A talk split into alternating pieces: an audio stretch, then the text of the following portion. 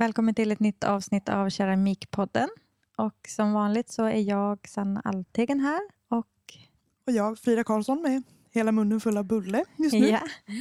Och just nu så befinner vi oss ungefär tre mil från Arvika hemma hos Anders Fredholm. Och jättekul att vi fick komma hem till dig. Ja, vad kul att ni kom. Ja, och vilket fint bemötande vi fick av din valp eller unga hund. ja, om man hör någonting som krafsar och tuggar lite här i bakgrunden så är det Vita som ligger här och gör oss sällskap. Mm. Och eh, vi har hunnit titta runt lite i din väldigt fina verkstad, eller ateljé. Vi sitter omgivna av all din vackra keramik just nu. Så tack. stort tack för att tack. du fick komma hit. Vi kanske ska börja med att du bara själv lite kort får berätta vem du är och kanske lite om var vi befinner oss just nu. Mm. Jo, jag är ju keramiker sedan eh, snart 40 år tillbaks. Jag gick på Kyrkeruds folkhögskola här i Värmland. Jag kommer från Dalarna, från Stora Tuna. Mm. Eller Borlänge som man säger nu för tiden. Eh, Har vi något gemensamt? Ja. jag gick på Kyrkerud och där fastnade jag i smeten. Jag kom till Kyrkerud med intentionen att jobba med foto och bild. Men sen åkte vi till Japan, jag och min syster och hälsade på en bekant till henne som hade gått på Kyrkerud. Och hon jobbade med keramik, hon gick på Konstfack och han som vi hälsade på jobbade med keramik och jag fick mig en rejäl dos med keramik i Japan. Vilket resulterade i att jag la undan kameran när jag kom hem. Och den tog jag inte fram på 15 år sedan, tror jag. Sen var det bara lera. Och så satt, sen i början av 80-talet så har jag jobbat med keramik. Och hur kom det sig att du i, i första hand sökte till den här, är det en folkhögskola? Det är en folkhögskola, mm. ja. Mm. Som då var en estetisk folkhögskola med bara estetiska ämnen. Men man kunde välja lite om det var foto ja, eller bild eller kunde, keramik? Man hade några obligatoriska ämnen som bild och teori och första terminen hade man alla ämnen som man fick prova på. Men jag fastnade inte för keramik första året utan det var foto jag var där för. Jag ville hålla på med bild. Men det gick över. Och sen läste du ett andra år och då var det bara Då var det bara keramik. Ja. Vi reste alltså till Japan mellan första och andra årskursen. Jag förstår. Ja. Hade du någon, någon liksom relation till lera innan? Att du... Nej, inte annat än att min syster hade börjat med keramik före mig. Hon är nu keramiker också sen, sen dess. Vad var det som du tror fångade dig i materialet? Vad är det som leran har som tilltalar dig? ja, det var en bra fråga. Jag har väl liksom inte tänkt på det. När vi åkte runt i Japan där så, vår vän Kimio, som vi fortfarande har kontakt med och som vi fortfarande ställer ut med. Vi har varit och ställt ut i Japan några gånger nu och han och hans fru kommer hit och ställer ut. Ja förresten, han blev fotograf sen. vi bytte. Eh, han jobbade i Bisänområdet där man vedeldar. Och det var ju jättespännande med detta vedeldande. Och vi tittade på keramik överallt. Mm hos keramiker på skolor, museer, utställningar. Överallt. Det var, bara, det var keramik det handlade om helt enkelt. Och då, jag bara hängde på och blev mer och mer intresserad.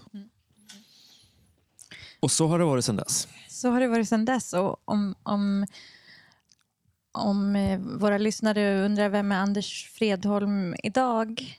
För idag jobbar du en hel del med brukskeramik, eller hur? Ja, ja. mest mestadels. Mestadels bruks. Och du bränner både reduktion och vedeldad? Jag bränner Red... bara reduktion och bara. antingen i min vedugn eller i en elgasugn. Mm. Så oxidation har jag inte hållit på med sedan i början av 80-talet. Okej, okay, okej. Okay. Mm, så det är reduktion. Mm. Eh, precis. Och... Saltbränner du också? Ja. Eller? Allt jag vedbränner det är i min saltugn. Ja, alltså. okay. Min saltugn som jag brände sista bränningen i, i april nu i år. Och just nu håller jag på att bygga en ny ugn hemma på min tomt här. En till saltugn. Men jag ska bränna både glasyr och salt i den. Jag har lite idéer. Okej. Mm. För visst är det så att innan du började med keramik eller kanske för den delen foto så höll du på att utbilda dig till kemist, stämmer det? Ja, Eller? Ja. jo. Jag läste kemi på gymnasiet Mm, okej. mm.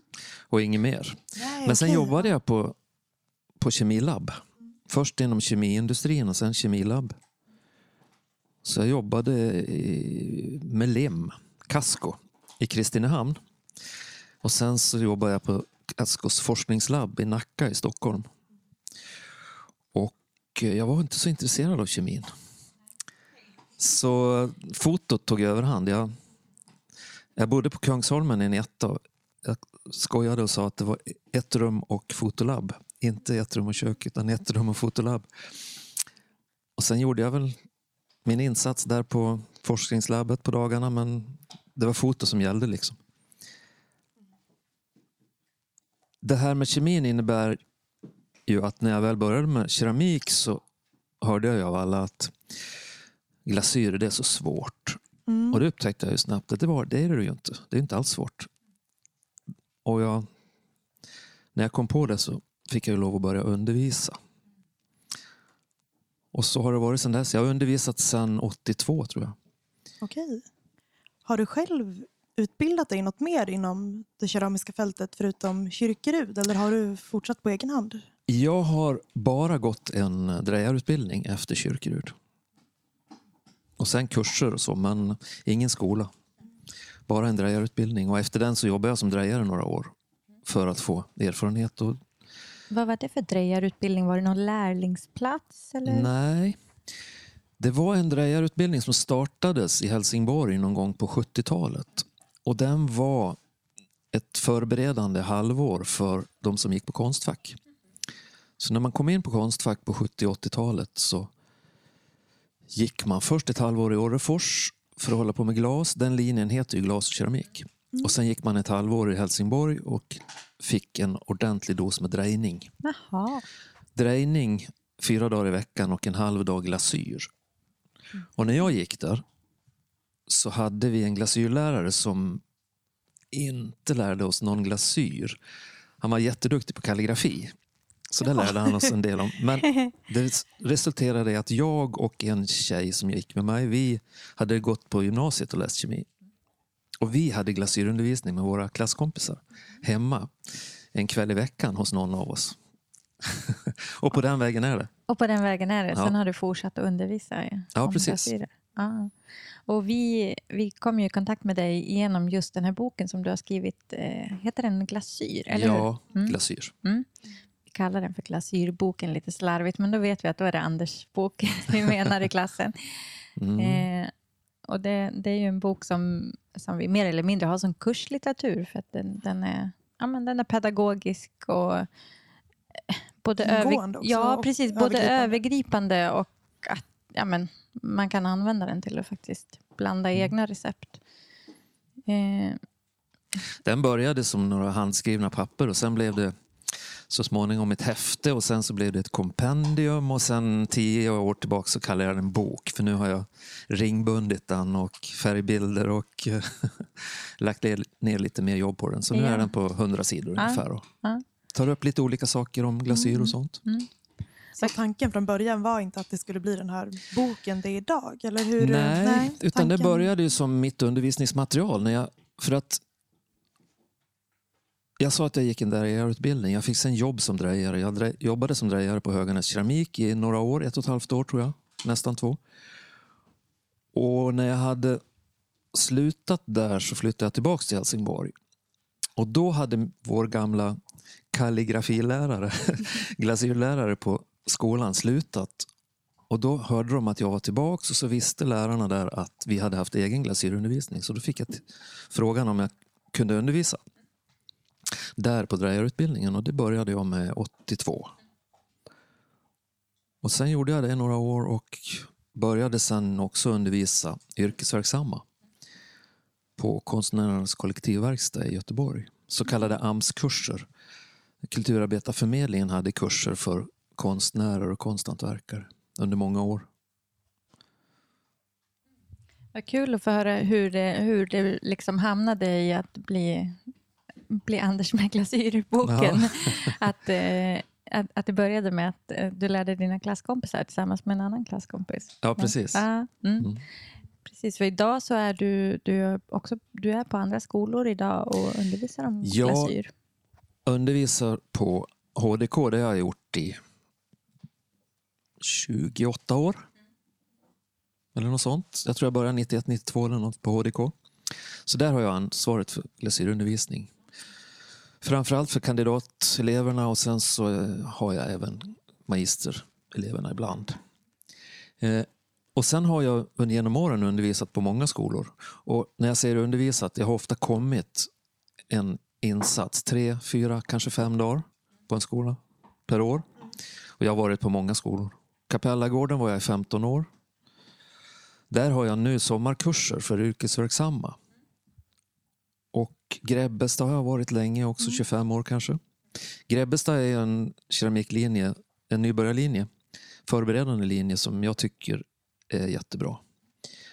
De har reduktion, Viktigt. viktigt.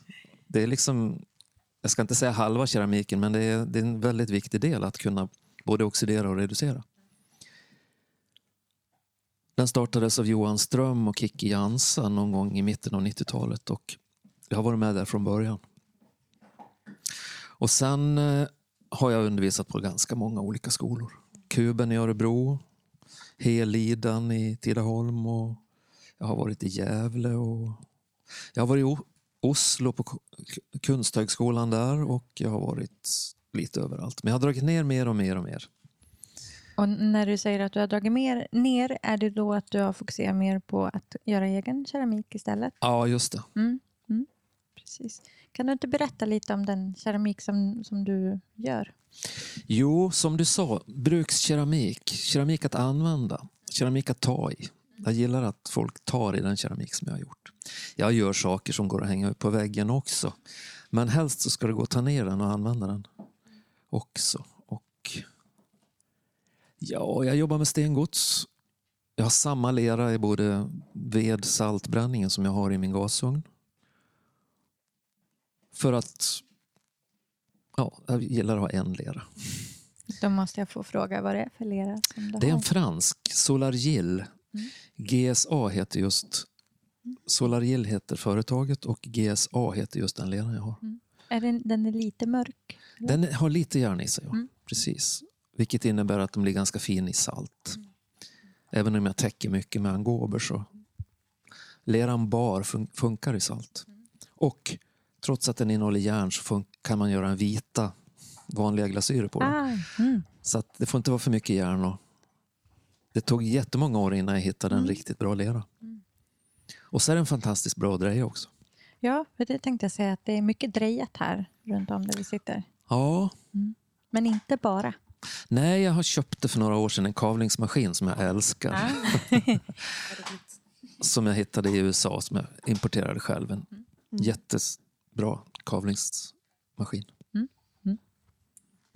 Jag skulle säga att det är väldigt greppvänlig keramik. Det här med att jag tycker om att folk får, får ta i grejerna. Att de, det är det som jag minns från tiden jag bodde i Värmland och stod och fingrade på dina koppar på Arvika konsthantverk. Mm. Just att de, de ligger så himla bra i handen. Jag tycker det är jätteviktigt med hänklar. Mm. att de är bra att hålla i förstås och att de är snygga.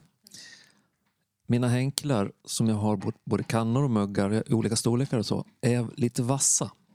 Men de är inte vassa att ta i. Men däremot så tecknar glasyren fint ofta på, på lite vassa ytor.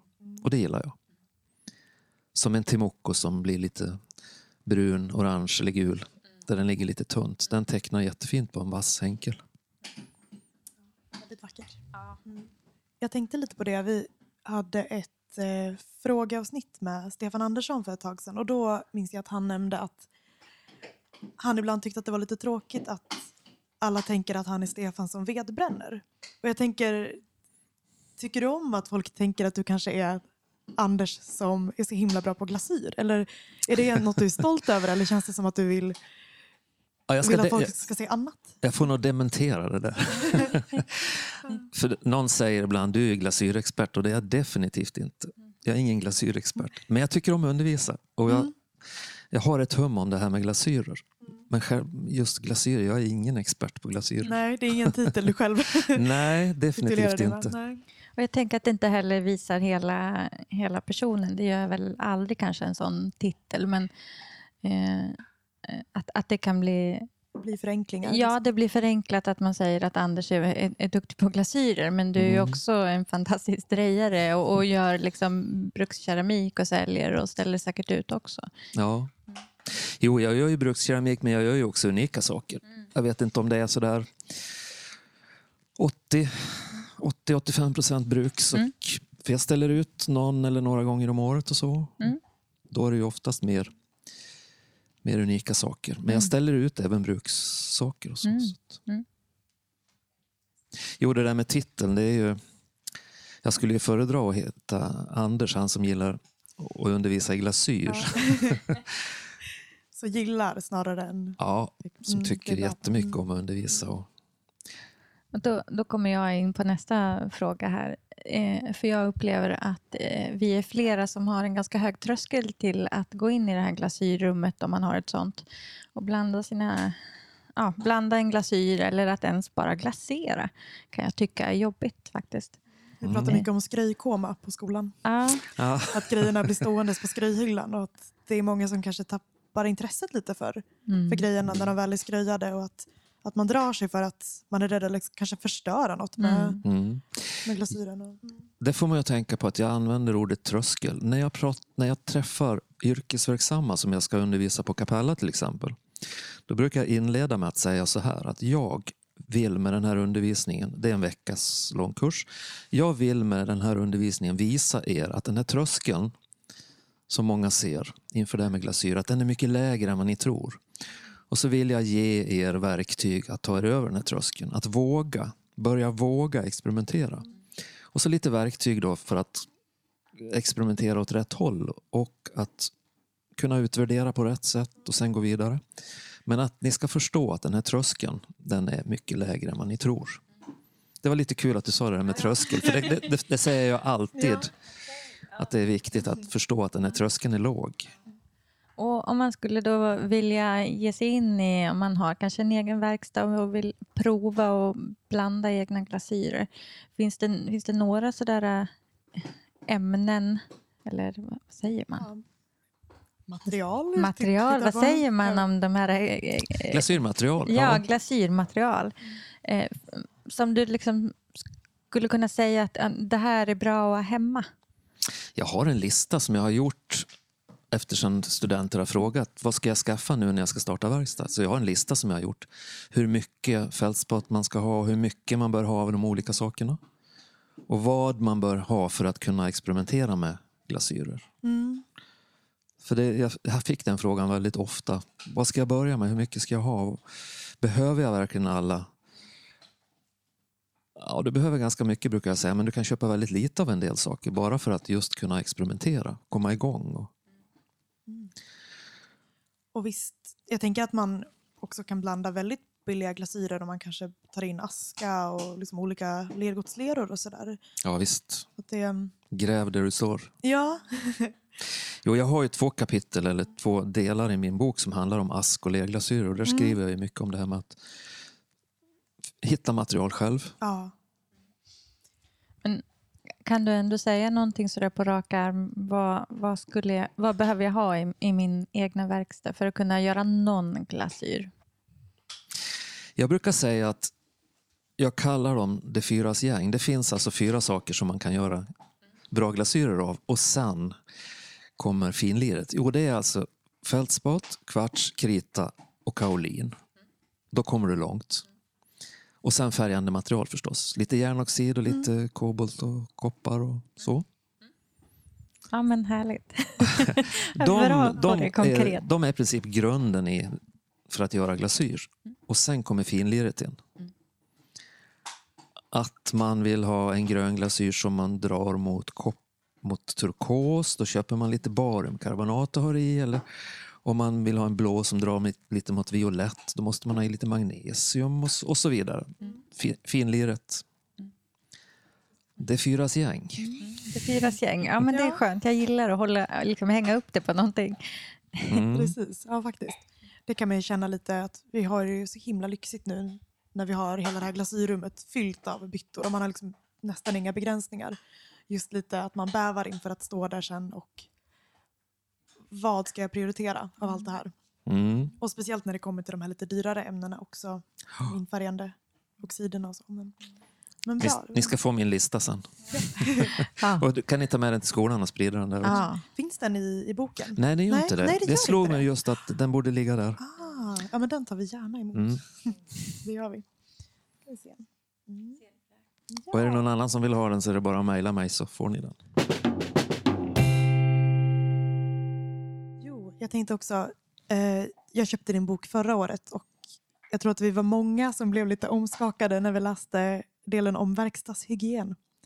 Mm. Eh, Lite, ja, ibland kan man hantera vissa material lite vårdslöst kanske. Eller man tänker att så här, "Åh, det här går snabbt. Jag ska bara röra om lite här. Jag hinner inte hämta munskyddet Mm. eller vad det nu kan vara. Att man är lite slarvig helt enkelt. Eh, och om man vistas i en sån miljö och tänker jag ska bara i många år så blir det väl till slut kanske inte så bra med vissa ämnen. Men, och jag vet inte hur, hur uppskrämd man ska vara inför det. Men det, ja, Anledningen att jag har skrivit det där Mm. är ju för det första att det började ganska tidigt att jag fick frågor om det här med vad är farligt och Mm. hur ska man handskas med det. Och det är sånt som jag inte har kunnat läsa mig till utan jag har sakta men säkert fått hitta uppgifter på olika ställen och jag uppdaterar ju det där hela tiden. Men det jag tycker är viktigt med det här kapitlet, jag kallar det för verkstadshygien. Och jag delar in det i tre delar. Hur skyddar du dig som keramiker? Hur ser du till att inte förgifta dina kunder? De är bra att ha kvar. Och hur är man snäll mot den yttre miljön? Att man inte släpper ut fel saker på fel sätt. mm, och när jag pratar om det med studenter då brukar jag säga så här att det är ju mycket av de här materialen vi har kan man köpa på hälsokosten. Och de som man ska vara försiktiga med, de är ganska få. mm, Och i kapitlet så beskriver jag ju hur man ska, hur man ska skydda sig. precis. För det är viktigt bra att man inte konkret. ser alla material som jättefarliga. För då kanske man lägger av. Eller Ja. man kanske struntar i att skydda sig överhuvudtaget för man tycker det känns för jobbigt. Mm, Nej, det finns ju några mm, viktiga material som man måste vara försiktig med. På olika sätt. Barium är ett gift. Men jag, om jag får några droppar bariumglasyr på händerna så är jag inte ett dugg bekymrad. Barium ska in i luftvägarna för att det ska vara farligt. Däremot krom och nickel de är jag jätteförsiktig med för kontakt och för att andas in och så.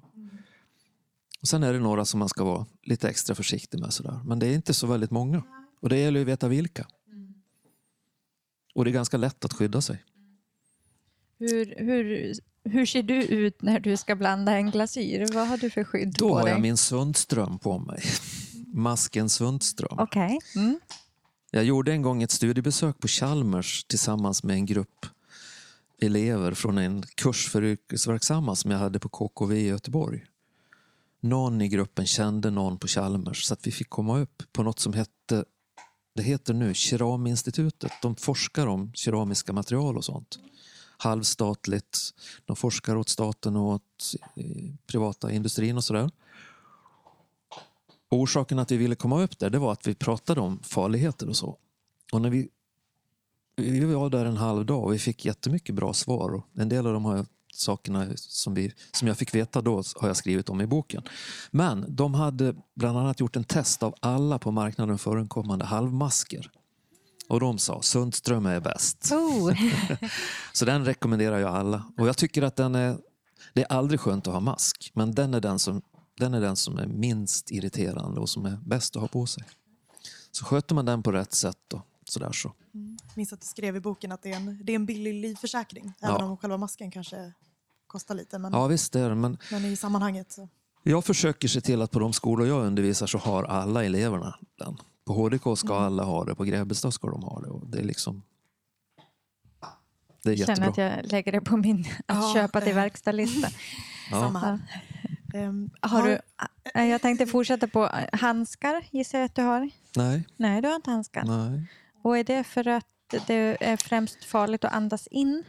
Ja, fast det finns ju några saker som är farliga för kontakt och det är ju krom och nickel till exempel. Jag försöker undvika i princip alla färgande oxider. Järnoxid är ju inte farligt. Det är ju nyttigt. Men jag är försiktig med... Jag tar inte... Jag skulle aldrig doppa ner handen i en glasyrhink till exempel. Okej, Aldrig. Det har jag Oh. gjort. vad intressant. Berätta. Vad... Inte om jag Varför? tappar mobilen eller nyckelknippan eller någonting. Jag doppar inte ner handen i en glasyrhink. Alltså. Nej. Varför då? Nej, För att, ja, dels på, i handleden, vid handleden där har vi ju jättetunn hud. Tunn och känslig hud. Och vi har säkert kanske några småsår på händerna eller nagelband och allt. Nej, ingen kontakt. Jag vet ju att det finns glasyrer som innehåller saker som inte alls är farliga. B4s gäng till exempel, det är ju inga farligheter. Många av dem kan man köpa på hälsokosten. Men det är, jag har en regel, jag, jag doppar inte händerna i glasyr.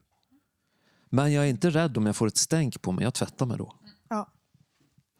Ja. Jag är kanske extra försiktig med stänk när det gäller glasyrer som innehåller färgande material. Mm. Och jag kanske kan doppa någon grej så att fingertopparna kommer ner i en glasyr. Det är inte hela världen heller. Men inte krom och nickel. Nej. Kanske inte kobolt och koppar heller. Men... Mm. Och eh, jag tänker om några av våra lyssnare kanske är på väg att bygga upp en egen verkstad eller sådär. Vilka åtgärder kan man vidta redan när man bygger upp en verkstad? Jag tänker hur man tänker med ja, hur man hanterar glasyrmaterial eller kanske hur man placerar ugnen och med utsug och sånt där. Om, det, om du har Mm. några tips. Ja, visst. För, mm. För det första, den första meningen i mitt kapitel om verkstadshygien, där står det att det farligaste som finns i en keramikverkstad, det är en dammsugare. ja. Att dammsuga det här väldigt, väldigt fina dammet som vi har i keramikverkstäder, det är ett säkert sätt att få det, små, små partiklar gå rakt igenom dammsugaren och sväva i luften länge, länge. Så har man inte en eh, centraldammsugare eller något, då ska man inte ha dammsugare i verkstaden. Nej. Nej, svabba. Ska Mm. man, jag, jag skriver också i boken att om ni någon gång letar efter en lokal att ha en verkstad i, värdesätt en golvbrunn jättehögt. Det här att man kan spola golvet. Mm. Att spola golven innebär att man dels får bort det damm som ligger på golvet, man, man får också en fuktig, fuktigare miljö som binder damm. Mm. Och se till att ni helst har ett extra rum för ugnen. Mm. Så att ni kan stänga om den och att ni kan ha utsug därifrån. Mm. Om man inte har möjlighet att ha ett extra rum, kan man ändå liksom bygga in ugnen, skydda sig med... Ja, precis. Det är väldigt enkelt att med lite reglar och några gipsskivor sätta, upp, Mm. Sätta ugnen i ett hörn och så göra, med gångjärn och göra någon, någon dörr. Mm. Och det behöver inte vara tätt. Tvärtom, det ska ju vara lite... Men att från det rummet har man sen ett utsug. Ja. Det här att man bränner på natten, som en del gör som bara Mm. har en lokal. Det är väl bra i och för sig, men det måste vara bra utsug. Därför att de gaser som kommer ut ur ugnen de kondenseras ju när, det, när de kyls och blir till damm som lägger sig runt om i verkstaden. Så att, eh, se till att ha ett ugnsrum eller gör ett hörn där ni kan skärma in ugnen. Då, då är de ämnen, de, gaserna är fortfarande kvar, även sen när ugnen har bränt Nej, färdigt. in- Nej, Alltså, gaserna går över i fast form och blir damm. och blir damm. och faller precis, ner på golv och, på det- hyllor mm. och överallt. Så att, och det finns en massa saker i bränningarna som inte är så bra att dra, in sig, dra i sig. Och, skiljer det sig på vad man, vad, man, vad man har använt för glasyr när man bränner eller är det alltid farligt? Ja, det finns ju farligheter, farligheter i, vid skröjbränningar också. Organiska ämnen som förbränns och sånt där. Men sen är det ju de tungmetallerna också som inte är så bra. Som bränns när man bränner glasyr och sådär. Så det är ju lite skräp som kommer ut som gaser. Jag förstår. Mm. Men som sagt var, det är också lätt att skydda sig mot genom att ha extra, ett särskilt rum för ugnen eller att ha ett hörn med, som du beskrev, Mm. man väg, sätter upp. Ja. Och så fläkt Mm. ut. Precis, ut. Inte en fläkt i rummet. Nej. Nej. Men visst skrev du i boken eh, man kan ändå få till ett ganska bra dragskåp med bara en gammal köksfläkt eller så? Om man står, Ja, just det. För det blev jag lite peppad över. Att man faktiskt kan... Jag har ju Ja, det i min verkstad. Jag har en mm. gammal köksfläkt som då har en har belysning och sen en fläkt och så har jag kopplat den till, ett, ut, till eh, skorstenen. Och sen sitter jag där när jag gör glasyrprover. Och så kan jag dra bort det bordet jag sitter vid och så kan jag stå där när jag väger glasyrsatser, alltså större satser. Mm. Och då har jag ju dels ett drag och sen så har jag då min Sundström-mask på mig. Så att, Finns det någon livrem? Ja. Det är bra. ja, Jag- tänker eh, när du glaserar. Du nämnde att du doppar aldrig handen i, i Nej, precis. glasyr. Har, men du har inte mask på dig då för då är det bundet eller? ja, just det. Mm, Det dammar ju inte då. Nej. nej. Men då- har du egentligen, om sprutglaserar du eller? Nej, jag sprutglaserar inte. Nej. Jag doppar heller. Du doppar med hand eller tång? Eller? Tång ja. oftast då. Mm. Men har du handskar på dig som extra skydd? Nej. Nej. Nej. Apropå det här med säkerhet och verkstadshygien Mm. och glasering så är det ju, jag skriver i boken också, det är jätteviktigt att torka av glasyren så fort som möjligt. För då Mm. slipper man också dammandet. Just det. Jag har en, jätte, en stor skumgummiskiva, alltså en bit av en gammal madrass som ligger på diskbänken som är blöt. Som jag ställer allting på. Mm.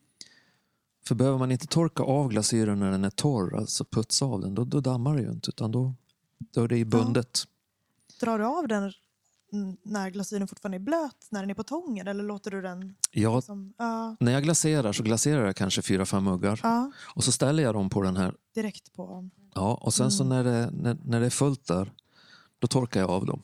Ja, Då har de stått så att jag kan ta i ja muggen men att torkat, men- undersidan är fuktig. Och då dammar ju inte glasyren. Nej. Just det. Jag tror jag brukar glasera allt, ställa det på en bänk, sen gå och torka av. Men då ska jag försöka göra om det här rutinen. Ja, fast det, gör du så så kan du ju torka med fuktig trasa. Mm, vi, vi har också en sån här skumgummi och då har jag bara också dragit, Ja, dragit av undersidan. Så. Men det är väldigt smidigt. Mm. Men att hålla på och borsta glasyr, det ska man ju inte göra. Det har jag sett på studiecirklar och även på en del skolor att de står och borstar. Och det är ju, Blåser bort överflödigt. ja, det är ju att, inte att rekommendera. Nej, Mm. jag förstår. Men skulle du kunna försöka beskriva ändå hur, hur du gör för att glasera? Jag, jag ser i flera av dina koppar här att du har en glasyr på insidan och en annan på utsidan. Det tycker Mm, det jag har är jag alltid. klurigt. Ja. Alltid. För att jag tycker det är snyggt att insidesglasyren står mot utsidesglasyren på ett fint sätt. Mm. Jag doppar aldrig hela muggen. Nej. Och dessutom så gillar jag att ha en liten, liten, liten oglaserad kant. Därför att speciellt den här leran som jag använder nu som har lite, lite järn i sig. Där, då, då kommer lerans svagt, svagt bruna ton fram. Och hur gör du då när du glaserar en sån kopp? Jag häller i och häller ur. Mm. Och sen så torkar jag kanten lite, lite om det har runnit lite utanför eller om det har kommit lite, lite. Mm. Och det gör jag mot den här skumgummi Ja. biten som jag har på diskbänken. Och sen väntar jag minst en dag. Mm. Ja, du väntar en dag. Ja, och så glaserar jag utsidan. Därför att då vet jag att godset suger lagom mycket. Mm. Jag väntar inte en dag. Tålamod. Därför att om man glaserar insida och utsida samma dag, då suger den olika beroende på hur mycket vatten som har avdunstat. Mm, förstås. Jag gillar det är ganska tunt och Mm. då, då är det extra viktigt att man... Ja. Sänker du ner och, do- och doppar ut sidan med tång eller sätter du liksom händerna Fi- på jag insidan? sätter f- fingrarna, händerna på Mm. insidan Mm. och så doppar jag. Ja. Och då doppar jag, jag brukar säga, då doppar jag den lite under ytan. Ni vet ytspänning. Ytspänning. Vad svårt. Är det ofta som det, eller du kanske har gjort det så länge så att det aldrig rinner i- ner? Eller? Det händer väl någon gång om Ja. året.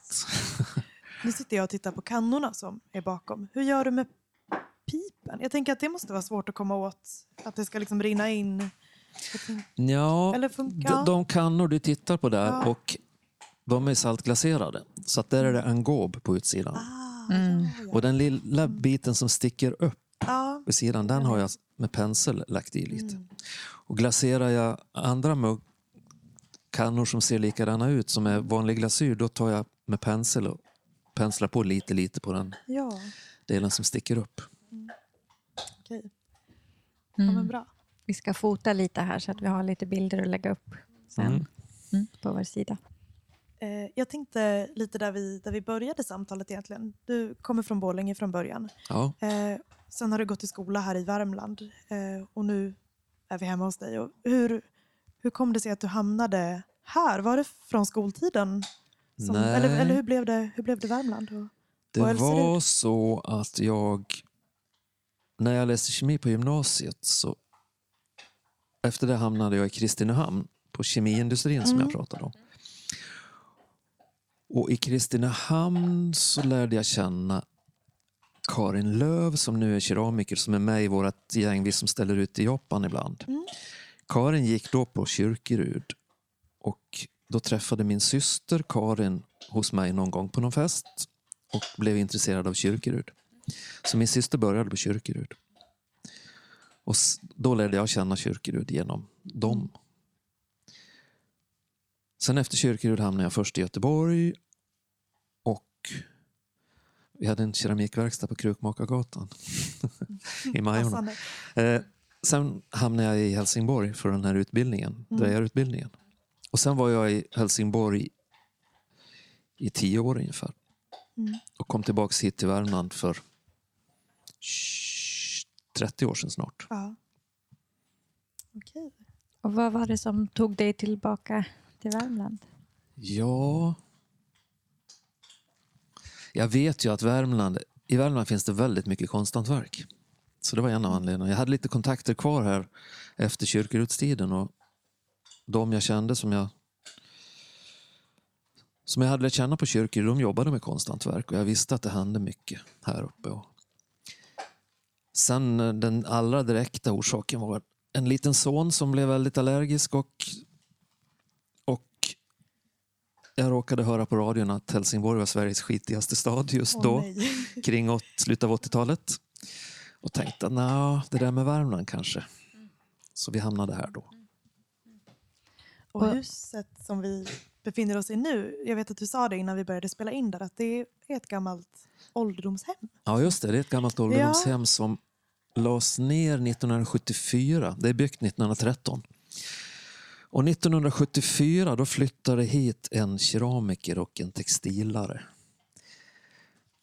Och han slutade sen med keramik och blev målare. Men Och det det var, kom- ja, det var inte du och din fru Nej. alltså. Vi köpte det här huset 2001 och när vi kom hit och vi träffade det här paret och presenterade oss som keramiker och textilare och då sa de att, då skrattade de först och sen sa de, det var vi också när vi kom hit. Han slutade sen med keramik och började måla och, men hon var textilare så här i det rummet vi satt, sitter nu så stod det en gigantisk vävstol när vi kom hit.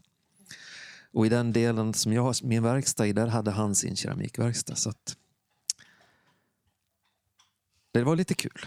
Ja, det lät som att det Så är det någon som då. om en 10-15 år behöver ett stort hus och en keramikverkstad och textil. Ja. Jag ska be Så. min sambo att bli textilare. Sa de så kan vi... Ja. Och snart kommer det att stå en vedugn här på tomten också. Den vedugn som jag har bränt i fram till nu, den, den finns några mil bort där jag hade verkstad tidigare. Mm. Är det länge som du har haft verkstad här i hemmet? Eller? Jag har haft verkstad här i hemmet i tio år ungefär. Mm. Före det hade jag verkstad i Brunskog närmare Arvika. Ja. Tillsammans med en kompis, Kerstin Andersson. Mm. Och där står min vedugn. Så i tio år nu så har jag åkt Mm. dit och bränt där. ja. Men snart har du en på tomten. Snart har jag en på tomt. Mm. Kanske får smyga runt här i mörkret lite sen på väg ut till bilen och bara Mm. spana lite. Spana på bygget. Jag tänkte det här eh, där du har din verkstad. Det var ett gammalt kök berättade du. Ja, just det. Ja. Ålderdomshemmets kök. Ja, Precis. Och sen har du i det gamla skafferiet, där hittar vi din el och gasugn. Ja, precis. Mm. Betonggolv, för att det skafferiet skulle det vara kallt. Det ligger på nordsidan och sen så satte jag bara upp gipsskivor där och så blev det ugnsrum. Ja, det, det är så mysigt att få komma till andras eh, verkstäder och, och kika in hur ni har det. Och du har ju också en, det, det är som en, ja, en, kallar du utställningslokal eller butiksrum? Ja, en liten lite? ja, butik. Vi har en konstrunda här en gång om året där det kommer jättemycket folk och då det är framförallt därför vi har gjort i ordning det här rummet som lite, lite butik och så.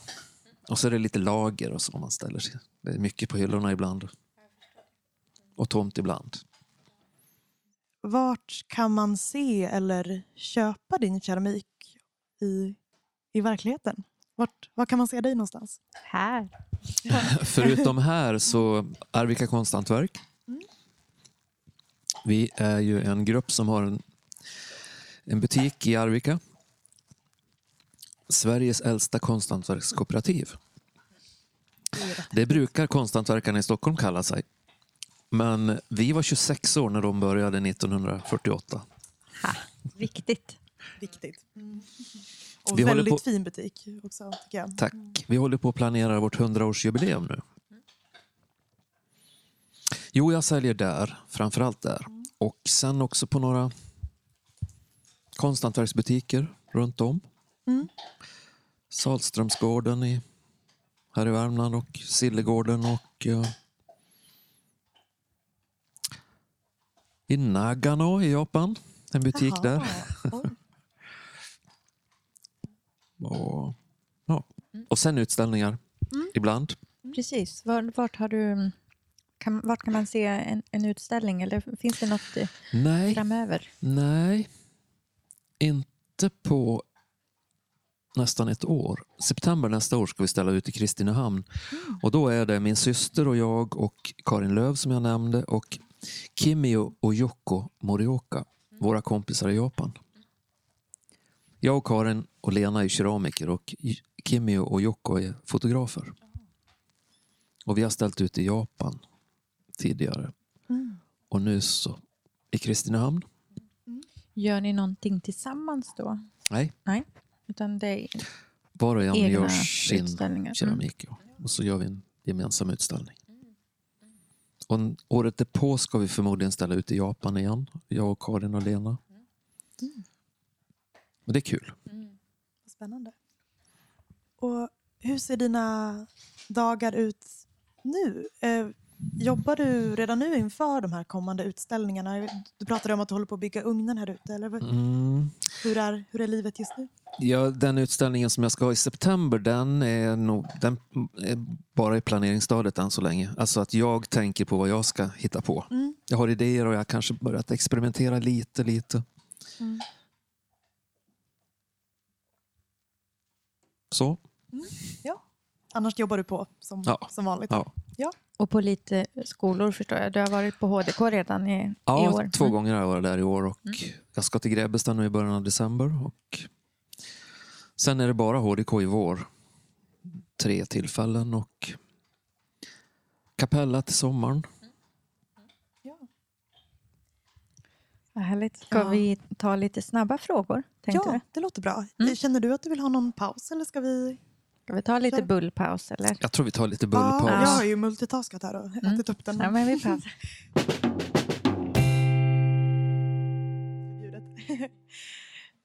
ja, då går vi över till lite korta, snabba frågor. Mm. Finns det något verktyg som du inte kan vara utan? Ja, min lerkvarn, om man nu kallar det ett verktyg. Det får man. Och, och bänkslipen, det är ett fantastiskt verktyg i keramikverkstaden. Bänkslipen. Bänkslipen. Vad är... vad, vad gör du med den? Jag va- ser till att ha vassa verktyg. Ja, ja, ja. Mm. Och Slipar jag putsar du- bottnar ibland om det behövs. Och, Mm. men att ha vassa verktyg, det är ju en, det är ett problem när man är nybörjare. att När man beskickar så studsar det och hoppar. Mm. Men har man vassa verktyg så, Mm. Kan du slipa ehm, slingor och sånt där? Mm. precis. Mm. Det är ju, ha vassa slingor, det är jätteviktigt när man beskickar. Men. Mm. lerkvarnen är nog viktigast. Ja, ett. Då förstår jag det som att du slammar lera. Du återanvänder. Nej, Nej? ja, jo, jag... Beskickespån och sånt, Ja. de, de, det slammar jag och Det slammar de. återanvänder. Ja, precis. Eh, vad har du för kläder på dig när du arbetar i verkstaden? Jag har några vanliga arbetsbyxor med många fickor där jag kan ha både tumstock och liten kniv och diverse pennor och tuschpennor och allt möjligt. Och en liten bit av en eh, gammal sönderslagen slipskiva så att jag drar lite under när jag tömmer ugnen. Och, Ah, under, under botten? ja, precis. Lyssnar du på något i verkstaden och vad i så fall? Jag lyssnar mest på radio, annars lite podd, lite musik och så. Jag har några program som jag alltid lyssnar på när jag sitter i verkstaden. Sådär. Men, Och vi ka- kan ju säga det också, så som vi sit, nu sitter vi i ett rum mellan din keramikverkstad och mellan din, min frus din frus eh, textilverkstad. textilverkstad. Precis. Då måste jag fråga, kan ni samlyssna eller sitter ni med Nej, varsina nej, lurar? Eller? Nej, då stängs nog dörren. Aha, okej. Mm, så ni stänger dörren om er ibland? Ja, ibland. Eh, finns det någon eller något som inte får komma in i din verkstad? Mm, det här som jag sa förut, dammsugaren. jag skriver i boken också att jag dammsuger någon enstaka gång om året i ugnen. Så att det inte ligger lerdamm och sådär. Speciellt om jag någon gång har använt lergodslera, vilket jag brukar göra en gång om året eller något. Jag drejar lite planteringskrukor eller sånt där för att det är så kul att jobba så snabbt. Jo, speciellt då, då dammsuger jag. Men det gör jag kanske på fredag eftermiddag och stänger sen om verkstaden och låter dammet dala. Och då med Sundströmsmasken på såklart. Ja, precis. Ja. Eh, och eh, Vita, din eh, hund, hon får vara i verkstaden. Ja, Men du jag håller, väl lite. undan, jag håller undan lera så att hon inte äter. För när hon hittar torra bitar så äter hon. Men det ser jag till att det inte finns. Nej, att det, Hon är allätare. det brukar vara så. Sen har vi frågan, vilken är din favoritlera? Men det har vi kanske fått svar på redan. Ja, för du precis. använder en lera. Jag använder en lera. ja. Plus en lergodslera som jag köper i Gränsfors uppe i Hälsingland. Jaha. Gräns, där finns det en blomkruksfabrik och en fantastisk yxfabrik. Ja. Blomkruksfabriken de säljer också lera Mm. och den köper jag ibland. Antingen åker jag dit eller också skickar de hit lera. Och är Och en den jättebra kommer därifrån? Eller Den kommer de- därifrån. Mm. Mm. Men eh, framförallt så använder jag ju den här franska Solargil GSA som den heter. Och då är vi ett gäng keramiker här i Värmland som köper den tillsammans. Mm. Direkt från fabriken där nere. Ah. Vad bra att kunna gå ihop så. Mm. Ja, Har du något verktyg som du använder i verkstaden som egentligen har ett annat användningsområde? Ja, jag kanske kan berätta om en liten, liten sak som jag har. Eh, Jag gillar att perforera ytor på leran ibland så att eh, man får en perforerad yta kan ofta ge fina resultat i saltglasering. Mm. Och jag har ett, en lit, ett litet, litet hjul som normalt sett sitter på en dynamo, sån här cykeldynamo. Ja. Eh, Ni vet den som man svänger in mot hjulet så att dynamon snurrar och ger Precis. elektricitet. Mm. Det lilla hjulet har jag tagit av och så jag satt det på ett litet, en liten hållare och sen så håller jag det mot den nybeskickade krukan och så gör jag en struktur i den som jag tycker Mm. blir fin. Åh, det, det får du visa någonting sen. Ja, om Ja. du har något här hemma så kan vi, Det ska jag göra. tittar vi gärna på. Mm, Mm. vad kul. Har du någon glasyr som du drömmer om att få till? Något som du inte riktigt har uppnått än? Eller? Nej. Nej, du har gjort allt. Ja. Nej, jag har ju favoritglasyrer Mm. och sådär men det ändras ju över tid. Ja. Favoritglasyr just nu? Är det någon? Alltså, Chino blir jag aldrig trött på. Nej, Jag provar Chino ofta sådär. jag är också i en kinofas just nu. Ja. Mm. Min började nog för 30 år sedan, Ja. kinofas. Nej, det är andra glasyrer man gillar också. som kommer. Men jag har ju mycket orientaliska glasyrer, alltså de här klassiska sjungglasyrerna. Mm. Temocco, Celadon, Chino. Chino är ju inte en sån, den är ju från... Det är ju en ung glasyr, den är ju bara 400-500 år. Mhm. Eller kanske Den är bara yngre fyra. Ja. än Saladon och Temoko. Saladon och Temocco de är från Shung-dynastin. Mm. 900 till 1200 efter Kristus. Är det något fält inom keramik som du skulle vilja lära dig mer om? Jag vet inte. Jag experimenterar ju hela tiden. Mm. Det är det mitt skapande går ut på, att Ja. experimentera och att ha roligt. Mm. Och det är en av anledningarna att jag har undervisat ganska mycket. Därför att jag, jag undervisar hellre än att göra keramik som jag vet att säljer. Hellre gör jag den keramik jag vill göra och så får jag inkomst av att undervisa. Och det har inneburit att jag har experimenterat jättemycket genom åren. Ni skulle se mina skrothögar. Uppe vid min förra verkstad har vi en jättehög med krossad keramik. Och här har jag också en rejäl hög för att det blir mycket experiment. Det var en väldigt fin lärdom tycker jag. Att, att välja att göra så. Att liksom brödfödan kanske är att undervisa och att Mm. inte kompromissa med det man själv vill, vill göra. Nej, det känns ju uttrycket. Ja. viktigt. Mm. Alltså jag gör ju så att om, jag, om någonting som jag gillar att göra säljer, då gör jag mer av det. Och då tycker jag det är kul. Men jag tittar ju inte på vad som är modernt och försöker göra något som... Det är ju inte kul. Nej. Utan jag föredrar att kunderna kommer på att det jag gör är bra. och så gör jag mer av det. Härligare att gå den vägen. Ja. Mm. Har du någon gång varit med om något så här riktigt haveri i verkstaden eller någon katastrof när allt har gått fel inför en utställning eller någon bränning? Eller... Ja. Jag säger alltid till elever att gör alltid ett prov som ni bränner först på en Mm. glasyr. Även om ni gör en glasyr som ni har gjort i många år, gör ett litet prov och så bränner ni det. Mm. Men en gång gjorde jag inte det själv. Jag köpte, jag använder alltså en enda glasyr i mitt saltglaserade. Mm. En interiörglasyr, en chino, Mm. som jag har in i allt saltglaserat. Och den innehåller spodumen, fältspat, litiumfältspat. Och en gång så tog det slut och jag köpte nytt och blandade en stor sats och glaserade åtminstone halva ugnen med den glasyren. Och det fick jag bränna om alltihop för att den var, det, var inte, det var inte samma. Mm. Det var inte samma spodumen som jag trodde att jag hade köpt. Och vad blev konsekvensen? Hur såg det ut? I... Det smälte inte riktigt ut. Nej, okej. Vilket innebar att jag, det räckte att jag brände om den. Mm. Men ändå, att bränna om en halv ugn, Ja. en och en halv kubikmeter och så halva ugnen bränns om. Det var väldigt mycket jobb. Ja. Men ja. då- När jag, när jag berättar för studenterna att, när jag säger så här, att ni måste alltid testa. Provbrand, provbrand säger jag. Då berättar jag den här historien också. För det, det var inte kul alltså.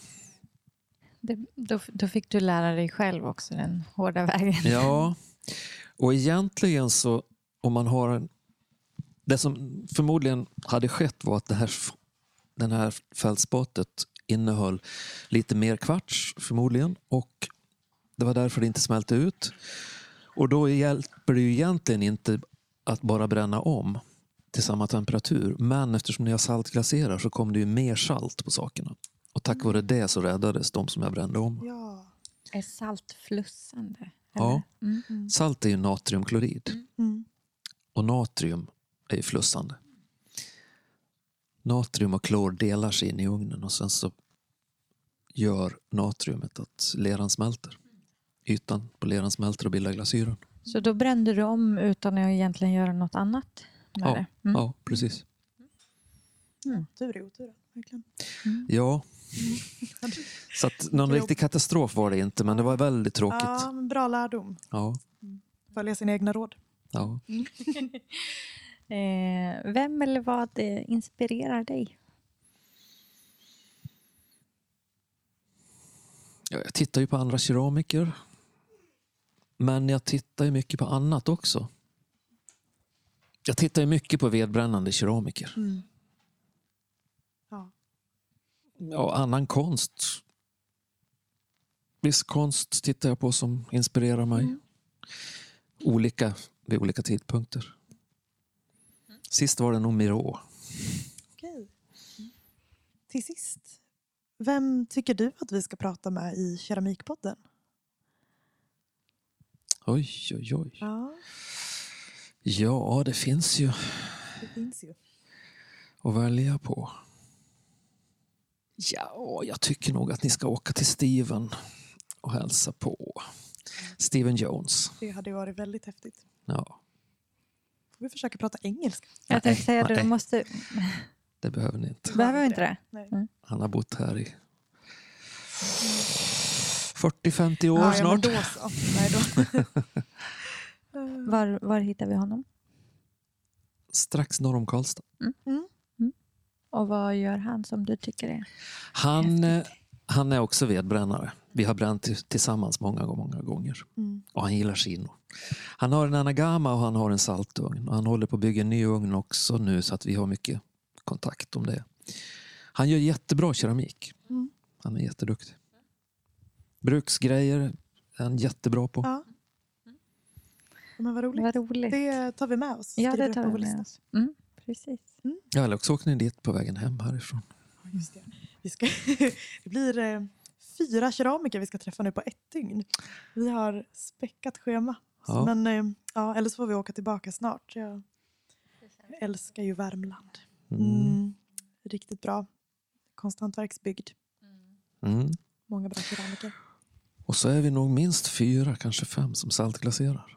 Ja. Vedbränner. Mm. Och det är ovanligt. Vi är inte så många i Sverige som gör det. Nej.